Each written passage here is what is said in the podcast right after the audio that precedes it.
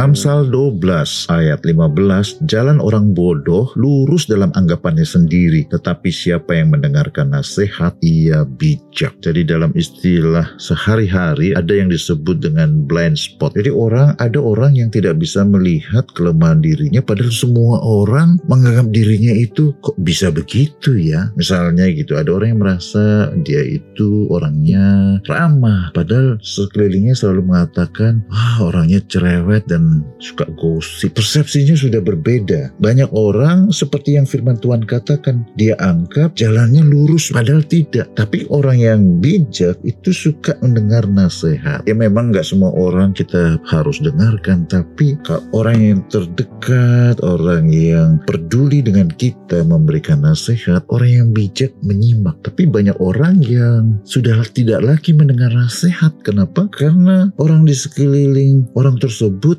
sudah bosan karena apa pun nasihat yang diberikan masuk kiri keluar kuping kanan. Akhirnya dia sendiri yang rugi. Tidak pernah ada lagi orang yang memberi koreksi, memberi nasihat karena dia tahu orang ini percuma dikasih tahu. Sebab itu sepanjang minggu ini mulai belajar untuk mendengarkan apa yang orang lain katakan. Apalagi orang yang sebetulnya peduli akan hidup kita. Jangan menjadi orang bodoh yang menganggap jalannya lurus padahal semua orang melihat bahwa jalannya itu belak-belok. Tuhan Yesus memberkati. Amin.